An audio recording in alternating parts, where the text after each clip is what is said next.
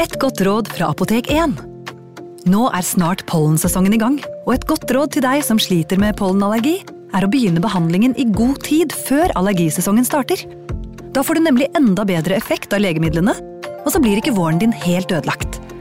Kom innom og få råd på ditt nærmeste Apotek 1, eller chat med oss på apotek1.no.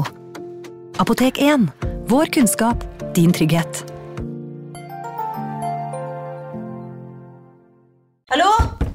Oslo politikammer.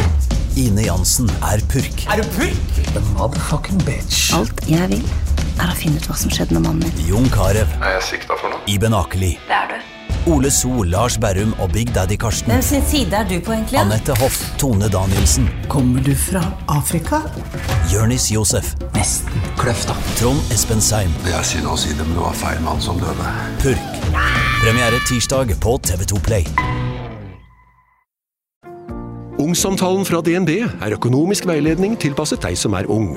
Bokk en ungsamtale på dnb.no. slash ung. Det er kjempebra hvis du skal inn på boligmarkedet, hvis det er drømmen din, liksom. Det er det du skulle sagt. Og så kunne du ropt litt mer, da, sånn som jeg gjorde. Bam!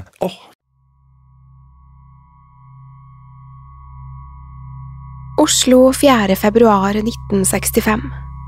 Tidlig om morgenen gikk 19 år gamle Lasse Birkeland fra leiligheten sin på Skøyen på vei til skolen.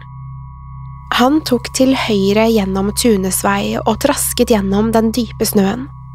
Vinteren hadde lagt seg over hele byen, og flere steder var det høye brøytekanter. Derfor valgte Lasse å følge et hjulspor i veien heller enn å gå på fortauet. På den måten ville han slippe å bli altfor våt på bena.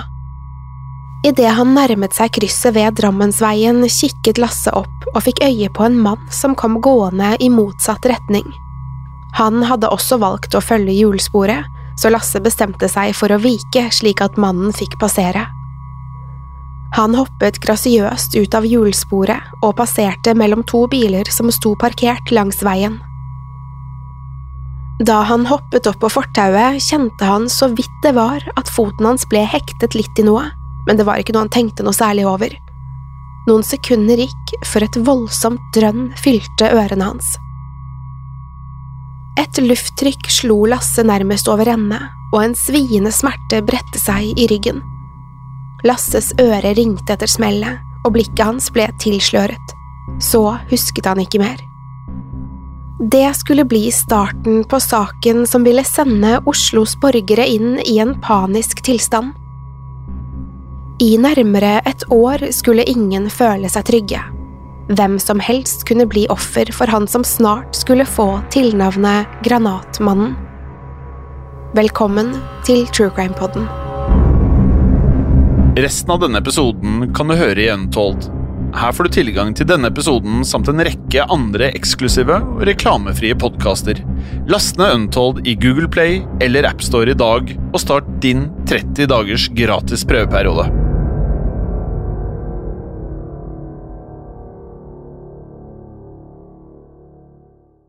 Har du et enkeltpersonforetak eller en liten bedrift? Da er du sikkert lei av å høre meg snakke om hvor enkelt det er med kvitteringer og bilag i fiken, så vi eh, gir oss her, vi. Fordi vi liker enkelt. Fiken superenkelt regnskap. Hei! Takk for at du lytter til True Crime Podden. Skulle du ønske at du kunne høre en ny episode av denne podkasten hver eneste uke? Vel, da er det bare å laste ned podkastappen Untold med en gang. I tillegg til ukentlige episoder av podkaster som Skrekkpodden, Synderne og Henrettelsespodden, får du masse annet reklamefritt og eksklusivt innhold. Last ned Untold i AppStore eller Google Play, og start din 30 dagers prøveperiode i dag. Untold.